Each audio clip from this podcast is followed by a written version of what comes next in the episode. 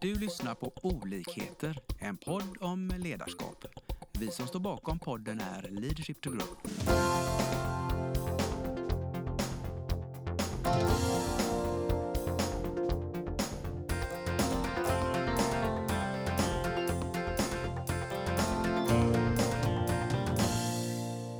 Välkommen till dagens podd. Jag heter Lars Engström och idag ska jag och min kollega Jesper prata om eh, eh, empatisk ledarskap har vi kallat det.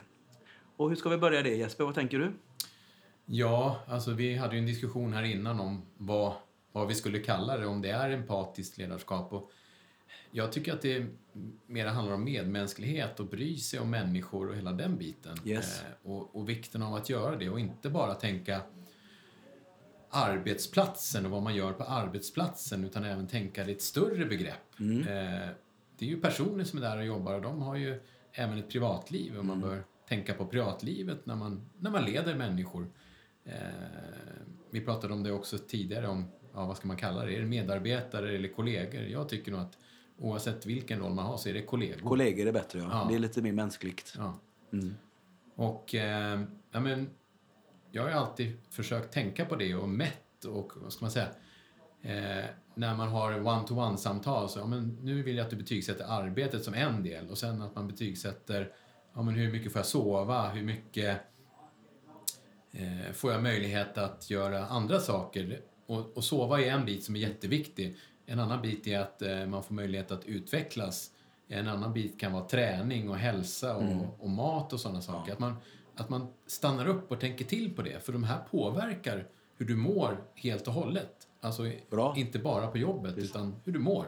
En reflektion jag gör också, om man kommer till jobbet och kanske inte sovit någonting, då man blir ju inte lik, riktigt lika effektiv förmodligen på jobbet så att det har ju bäring på, på, på vad du kan prestera.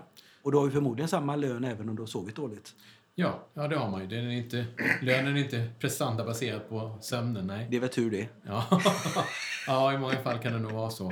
Eh, och, och det vet man ju själv när man jobbade att ja, men vissa dagar har man sämre dagar på grund av olika anledningar. Och det är ju perfekt om då någon kanske kan fånga upp det och se en. För att jag tror att det där i ledarskapet idag är viktigt att man ser sina medarbetare eller kollegor eh, och fångar upp de här sakerna. För, det var ju, för mig var det ju nu är det nästan två år sedan då pappa och eh, morbror gick bort väldigt kort efter varandra. Och för mig var ju det det var det som gjorde att jag fick, tyckte, nästan gick in i väggen. Ja, alltså, det var var jobbigt så. för mig. Ja, men det- det var ingen som fångade upp det.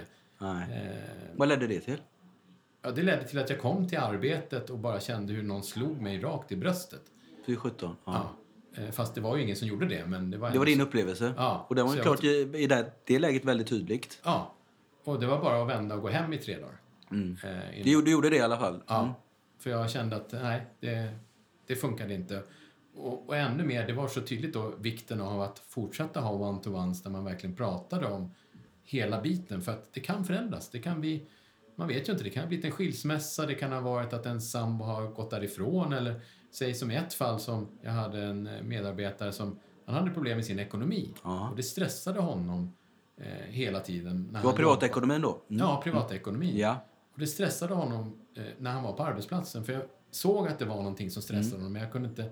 Så jag ställde en massa frågor och vi gick igenom och vi hade de här mm. betygssättningarna. Och till slut så ramlade det ut att ja, men det var, han hade ingen koll på sin ekonomi, så han visste inte hur mycket pengar som, när han fick sin lön, han hade kvar. Det låter jobbigt. Ja, och det var det. Eh, så att då gav jag honom det enkla rådet att ja, men gör en enkel budget. Och det var... Han bara, det var liksom ingenting som hade någon sagt till honom tidigare. Han gjorde det enkelt, det var bara på en sida. Ja, men en översikt. Ja, och helt plötsligt så såg han, ja men jag har så här mycket över varje månad. Eh, Jag har möjlighet att spara lite, vilket han kunde göra en trygghet, så han kunde spara till semestern han ville ha till sommaren. För innan visste han ju inte, kan jag åka på semester eller inte? Han hade inte en aning. Nej. Eh, och det här gjorde att ja, några dagar senare kom han och tackade mig för han kände sig mer harmoniskt inombords.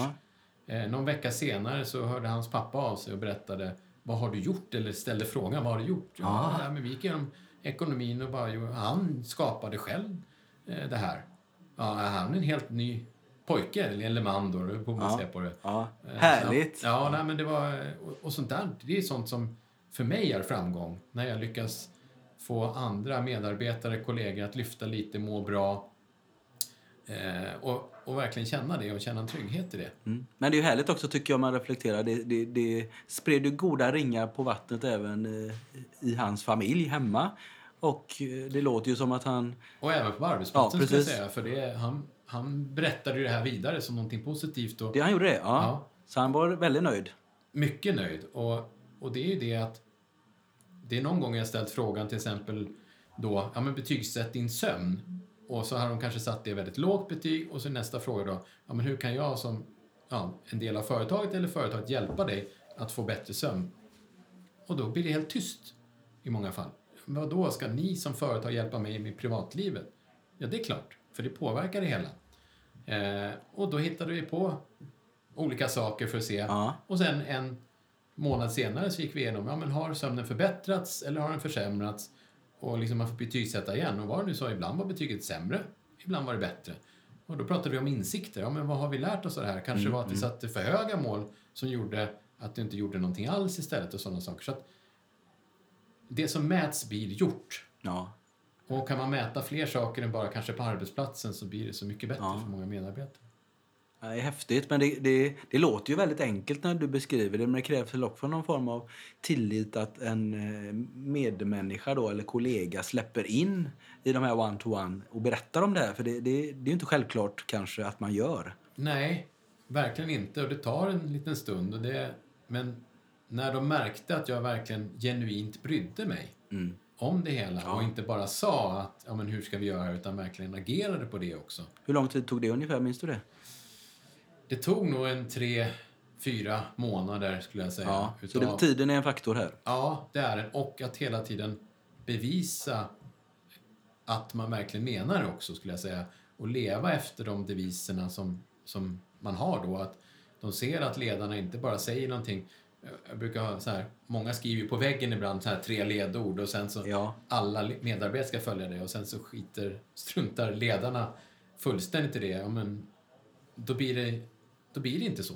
Och det är som, ja, som pratat om tidigare då med barn. Ja. Eh, om man säger en sak och gör någonting annat, till exempel man säger du ska inte röka och så sitter man och röker själv. Ja, det, ja, det, blir mitchmatch där och blir inte så. Nej, Leva, leva som man är är viktigt här. Ja, väldigt ja. viktigt. Och leva som de ledorden man har sagt i bolaget är viktiga. Så, att har Så ledorden är viktiga också. Ja, men har man tillsammans som ett ledord, ja men det innebär att ja, men även som VD, så ja, men då kanske man måste ibland kavla upp ärmarna och hjälpa till. Ja, men på, som i mitt fall inom byggindustrin var det ju då och eh, VVS-arbete. Ja, men jag var ute på, på sajt där mina kollegor jobbade. Och de var lika förvånade varje gång. Men du är VD, varför är du här? Ja, men du behöver ju hjälp. Ja, och vi gör det här tillsammans. Ja, ja men då, därför är jag här. Sen var inte jag experten på det hela, men jag kunde hjälpa till. Häftigt. Det Ja. låter ju väldigt enkelt när du resonerar så här, men jag tror inte det är extremt vanligt att eh, det här sker ute på arbetsplatserna. Det tror tyvärr inte jag heller. Eh, och, men det finns så många aspekter i det hela att just också vara ute och hjälpa till. Det är ju att du får ju en närhet till marknaden också, så att du får ju en överblick på den också. Så att, och det är så jag alltid gör, att jag försöker liksom se synergierna och hur de hör ihop och vikten av att det verkligen liksom, ja, hitta dem. Mm. För att har man inte koll på marknaden och kunderna och så och leda ett bolag, det blir fel. Och, Mm, och just också marknaden är ju ens personal och de är ute på sin arbetsplats och kunna leda dem och se till att de har rätt förutsättningar för att göra sitt jobb. Ja. Var kan man se det bäst? Jo, att vara nära där de jobbar. Mm. Så att det ger så många ringar på vattnet att göra de här grejerna. Mm. Och inse det att ja, om det här ska fungera och vi jobbar med ledordet tillsammans, då gäller det att vi är tillsammans också. Ja. Så ledorden är viktiga och sen som du säger att kanske ha, du kallar det one-to-one, att, att vi pratar med varandra på ett strukturerat regelbundet sätt och fångar upp ja, Ja. he, hela personen egentligen och he, Ja. hela livspusslet. För det jag upplever på många ställen jag varit är att ledarna har alldeles för mycket annat att göra än att leda. Eh, och ta hand om personalen, inte ta hand om, men, men ändå liksom vara nära dem. Så att det här missats. Eh, för att de är så mycket möten och sådana saker. Får inte tid att leda skulle jag säga till och med. Eh, I många bolag. Och det är jättesynd. För att, Ja. Vad blir konsekvenserna då? Ja, att man blir oengagerad, man trivs inte på sin arbetsplats, man presterar sämre, man mår sämre.